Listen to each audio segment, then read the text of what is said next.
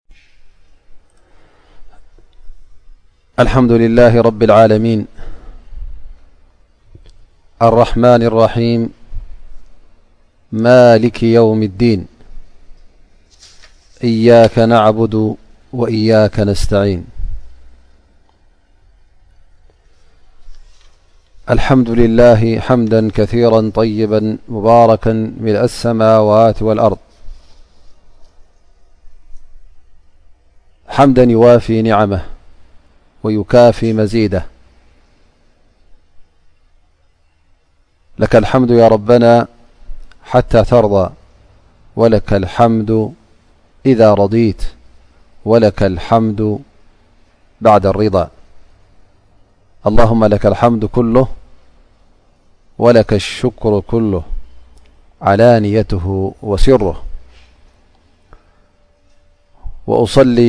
وأسلم على الرحمة المهداة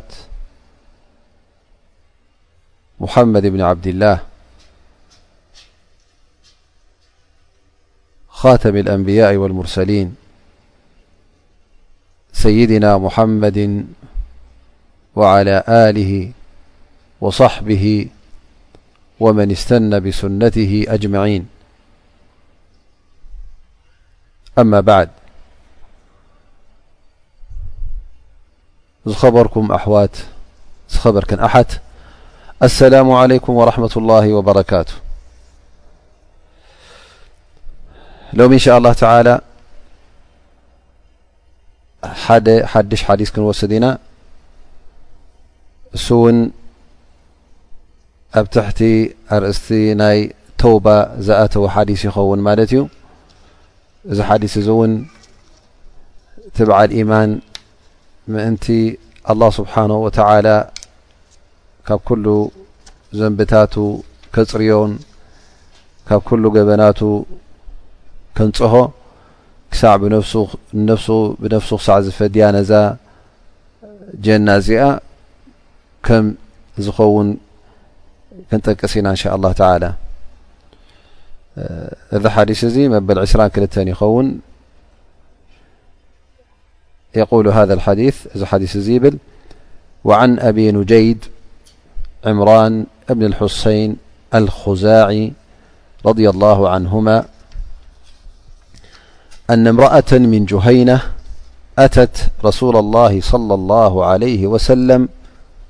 وهي حبلا من الزنى فقالت يا رسول الله أصبت حدا فأقمه علي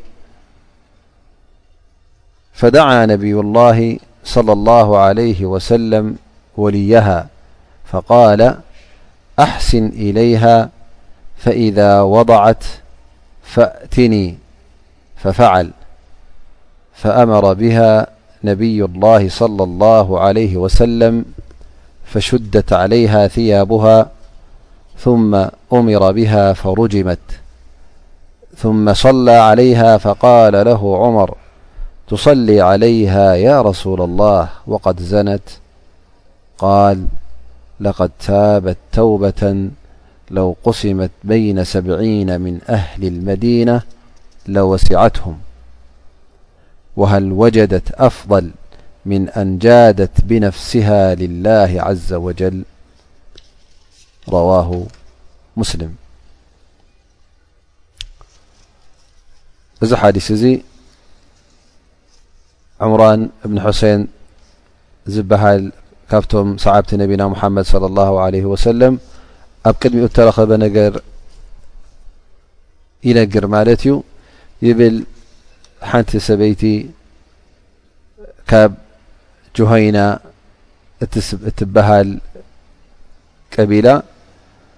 መጺኣ ናብ ነቢና ሙሓመድ صለ ላሁ ዓለይህ ወሰለም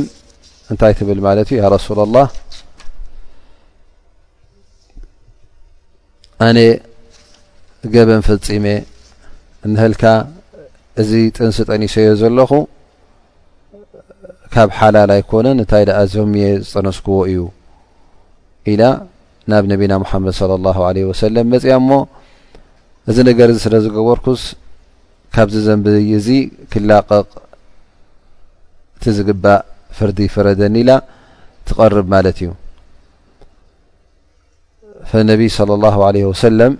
ነዛ ሰብ እዚኣ እቲ ሓላፍናታ ወልዩሃ ማለት እዩ ኣቦኣ ይኹን ሓወቦኣ ይኹን ወይ እውን ዓበ ሓዋ ይኹን ማለት ካብቶም ሓለፍቲ ናታ ንዕኡ ይብሎ እዛ ሰብ እዚኣ ጥንስቲኣ ዘላ ከምዝ ከምዝን ትብል ኣላ እሞ ሕጂ ክሳዕ ትሓርስ እስኻ ፅቡቅ ጌርካ ናብያ ኢኻ ፅቡቅ ጌርካ ሓዛ ኢኻ ብድሕሪኡ ትምፃኣኒ ሽዑ ሒዝካያ ምፃእ ይብሎ ማለት እዩ ነቢ ለ ላ ለ ወሰለም ምስ ሓረሰት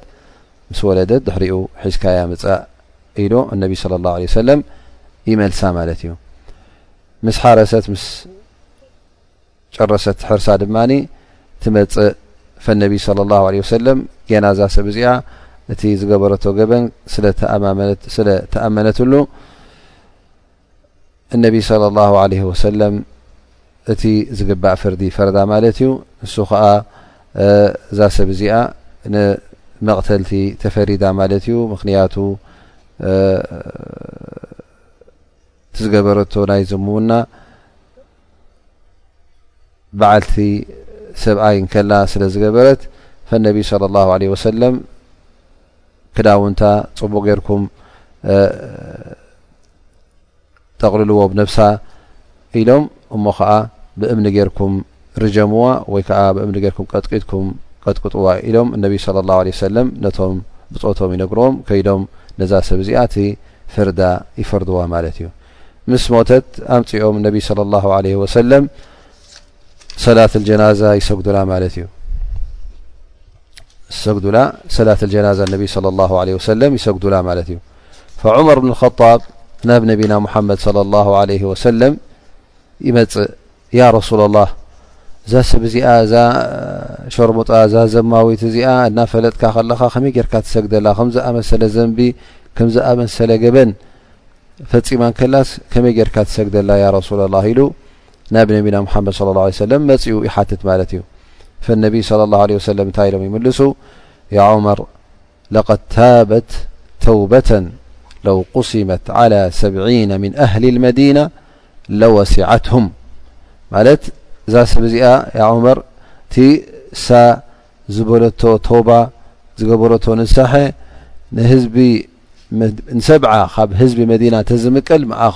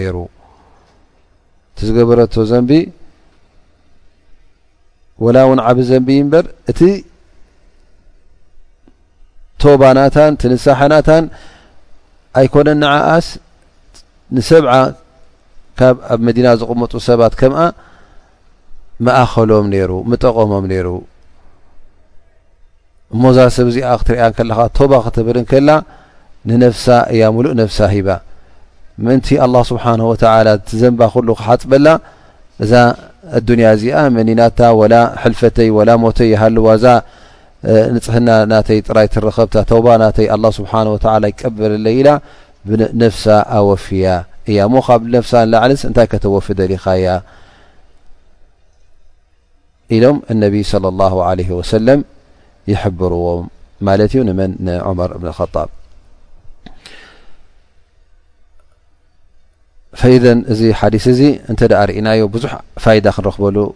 ንኽእል ወይ ከዓ ካብዚ ሓዲስ እዚ ብዙሕ ፋይዳ ክንወስድ ንኽእል ማለት እዩ ሓደ ካብቲ ፋይዳ እኑ እንተ ደኣ ሓደ ሰብ ሙሕሰን ማለት ሰብኣይ በዓል ሰበይቲ ሰበይቲ በዓልቲ ሰብኣይ ተመርዓዎ እንከሎ እንተ ደኣ ዘምዩ እቲ ፍርዶም እንታይ እዩ መቕተልቲ ከም ምኳኑ ረጅም ከም ምኳኑ ኣብዚ ሓዲስ እዚ እውን ይረጋገፀልና ማለት እዩ ነዚ ነገር እዚ ትጠቅስ ኣያ እውን ኣብ ቁርን ነራ እያ ግን እቲ ውሳነ ናታ ቀፃሊ ገይርዎ ኣላ ስብሓን ወተላ ወላ እውን ኣብቲ ፅሑፍ ትሰረዝ ዳኣ እንበር ፈነቢይ ስለ ላሁ ለ ወሰለም ከምዚ ኢሉ ተኣሚኑ ዝመፀ ሰብ እዚኣ ጥራይ ዘይኮነት ካልእ እውን ንመቕተልቲ ብረጅም ፈሪድዎም እዩ ኮለፋ ኣራሽዲን እቶም ድሕሪ ነቢና ሓመድ ለ ላه ለ ሰለም ዝነበሩ ሓለፍቲ ድማ መራሕቲ እስልምና ኣብቲ ግዜኦም እውን በታ ኣያትኣ በዛ ፍርዲ እዚኣ ተጠቂሞም ይፈርዱ ነይሮም ማለት እዩ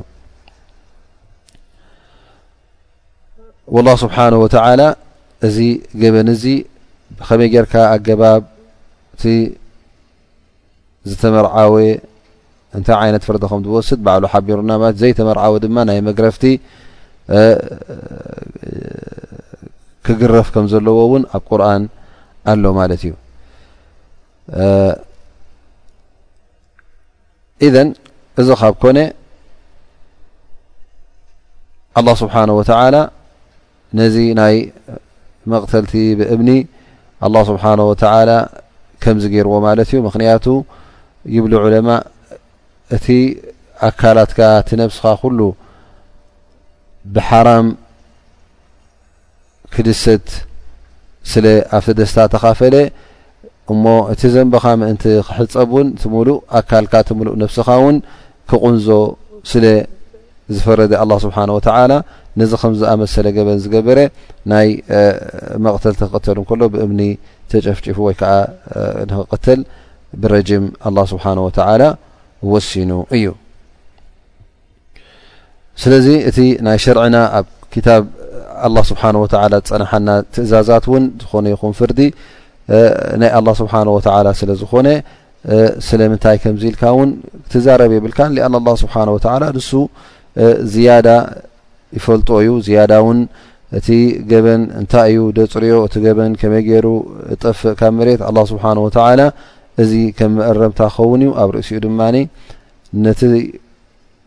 ዝገበረ ገበን ካብ ዘንቡ ይሓፅቦ ማለት እዩ ነቲ ካልእ እውን መእረምታ ይኾኖ መፈራርሂ ይኾኖ ማለት እዩ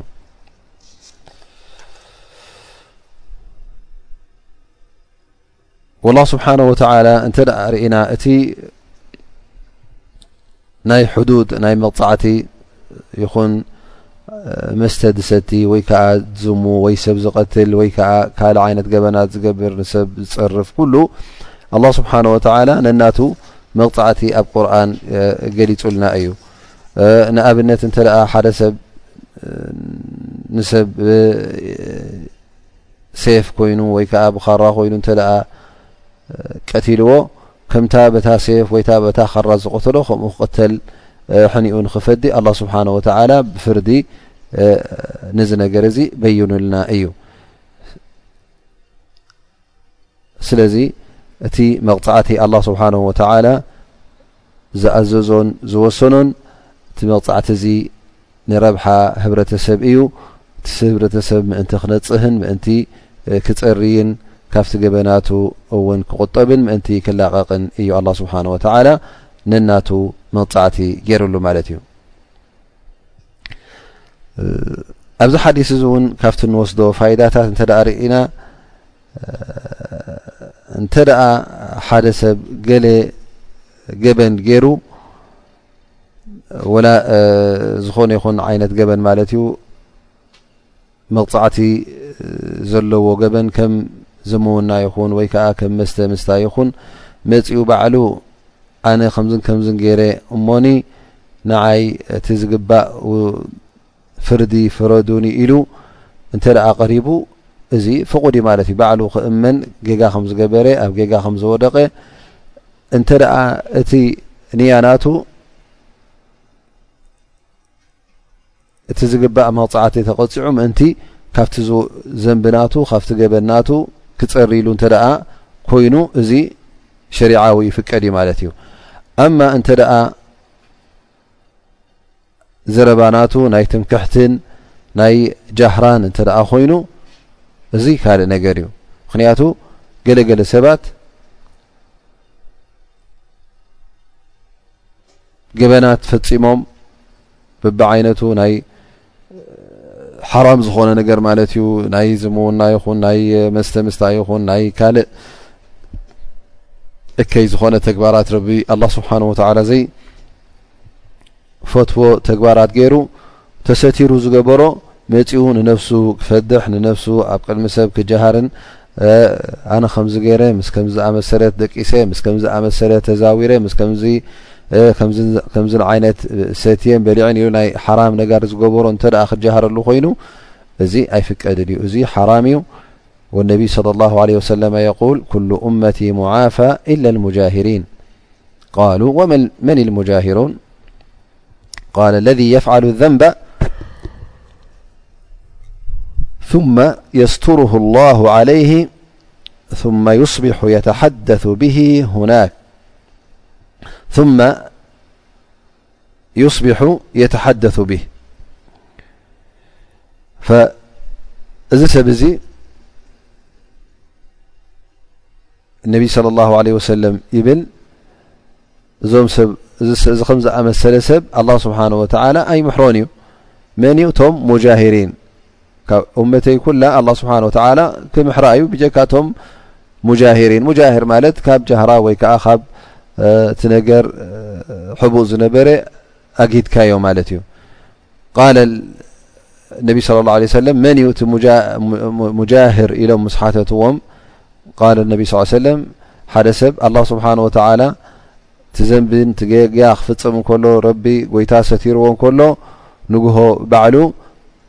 ኣነ ከምዚ ገይረ ከምዝን ከምዝን ክገብር ሓዲረ ኢሉ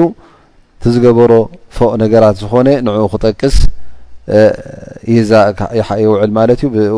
ክጀሃር ከም ጎበዝ ኮይኑ ከም ንፉዕ ኮይኑ ነዛ ነብሱ ከቕርባ እተ ተረኪቡ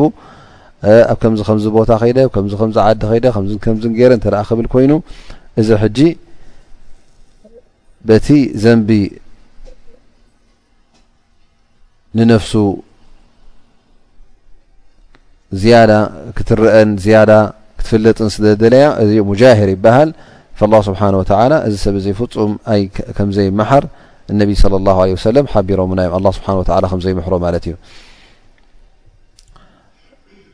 በል እንተ ሓደ ሰብ ከምዚ ዓይነት እዚ ዘብዝሕ ኮይኑ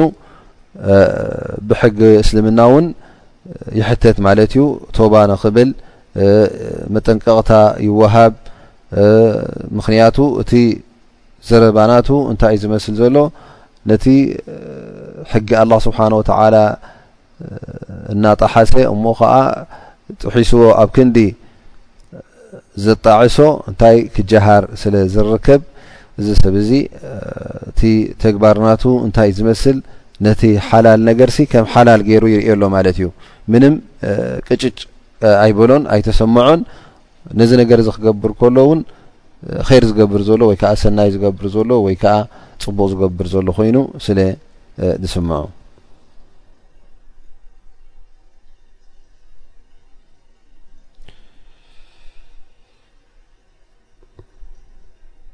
ይ ምናልባሽ ሕቶ እመጽእ እኸውን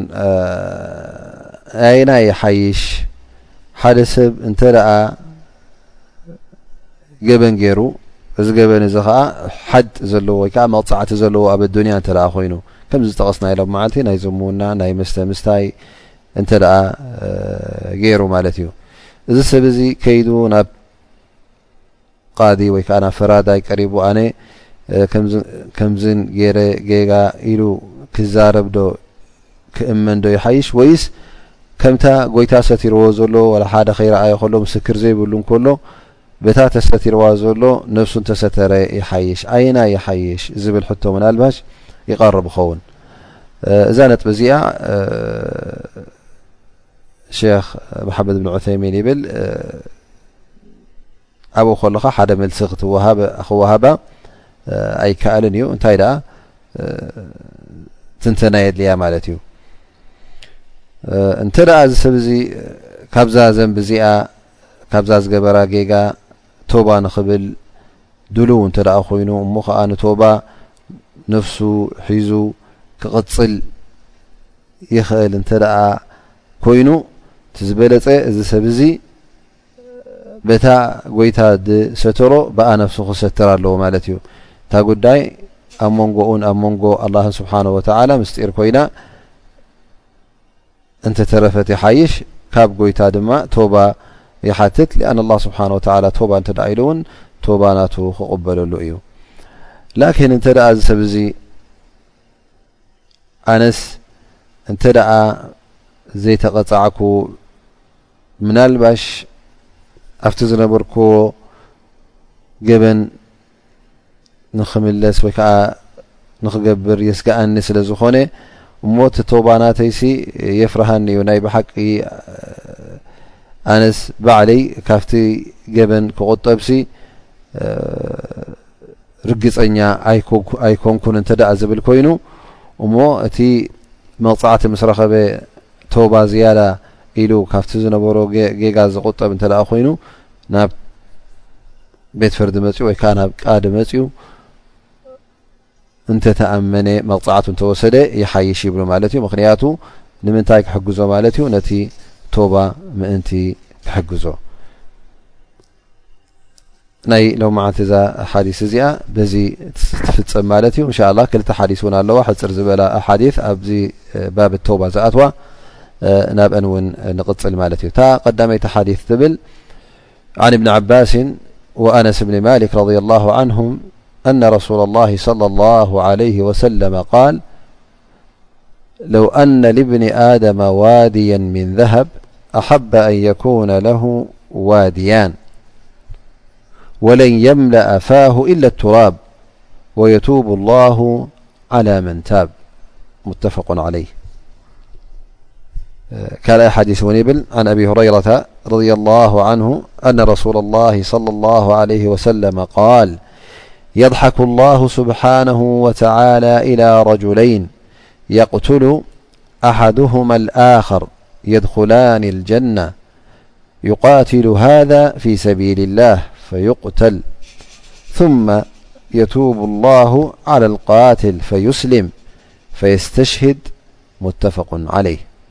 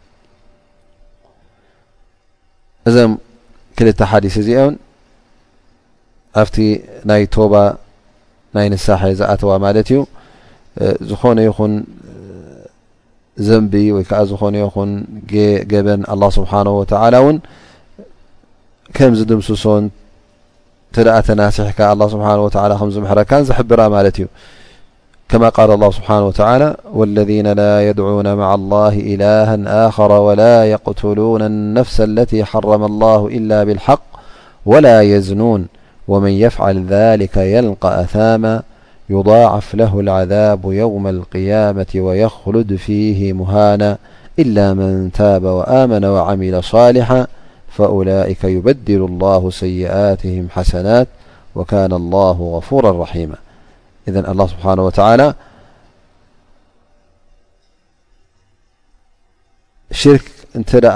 ዘይኮነ ወላ ውን ሓደ ሰብ ውን ኣብ ሽርክ እንተ ወዲቑ ነብሲ ሰብ ዝቐትል ወይ ከዓ ካልእ ዓይነት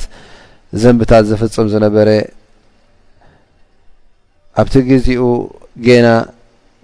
ኣፍ ደገ ናይ ቶባ ከይተዓፀወ ከሎ ቶባ እንተ ኢሉ እንተ እቲ ኣብ ሽርክ ዝነበረ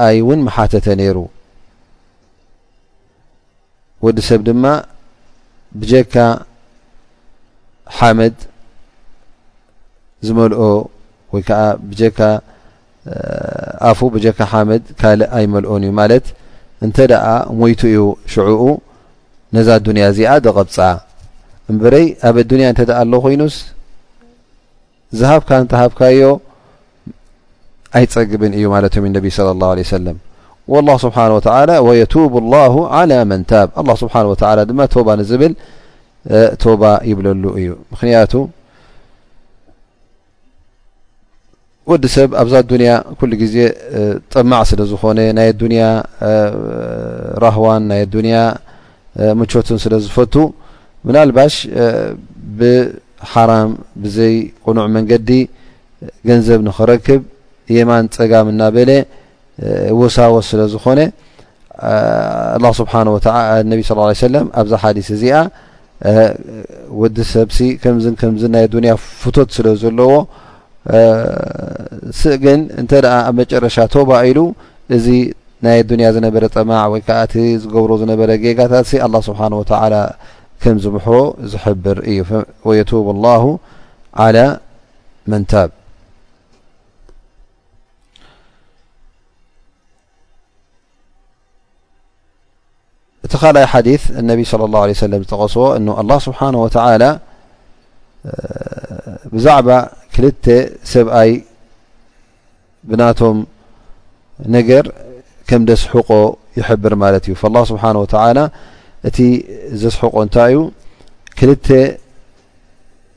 ሰባትሲ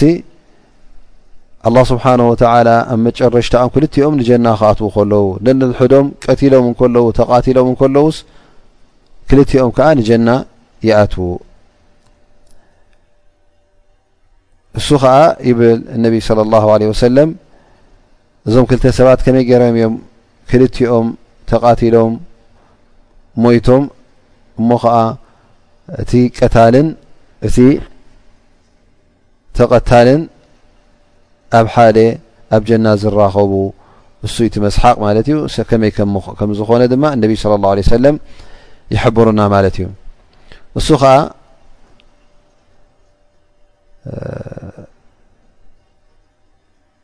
እቲ ሓደ ኣስላማይ ነይሩ መገዲ ኢማን ሒዙ ነይሩ እቲ ሓደ ከዓ መገዲ ክሕደድ ሒዙ ነይሩ ኮይኑ እሞ እዞም ሰባት እዚኦም ክልቲኦም ተዋጊኦም እቲ ካሓዲ ነቲ በዓል ኢማን በዓል እምነት ይቐትሎ ማለት እዩ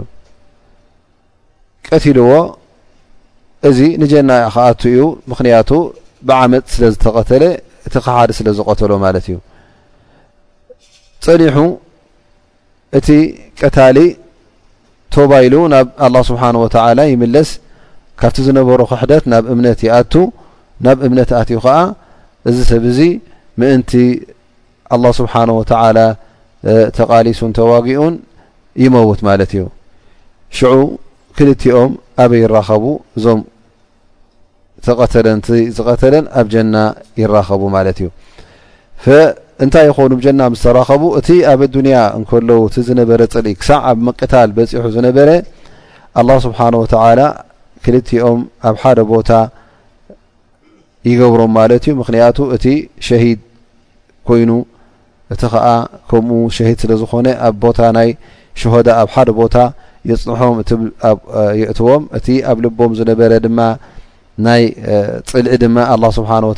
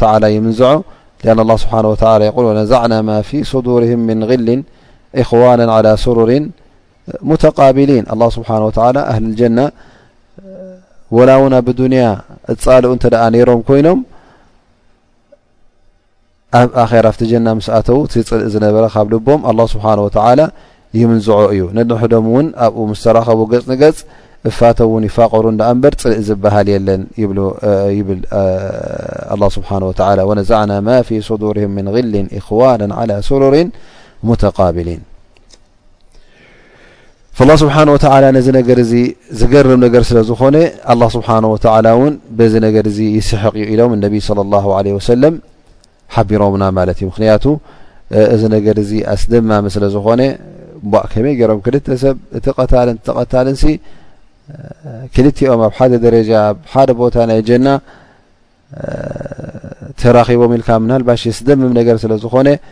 እቲ ጉዳዮም ከዓ ከምዚ ነቢና ሓመድ صለ ه ሰለም ዝሓበሩና እቲ ቅድሚ ተውባን ድሕሪ ተውባን ኣላ ስብሓን ወተላ ንክልቲኦም እቲ ደረጃ ናቶም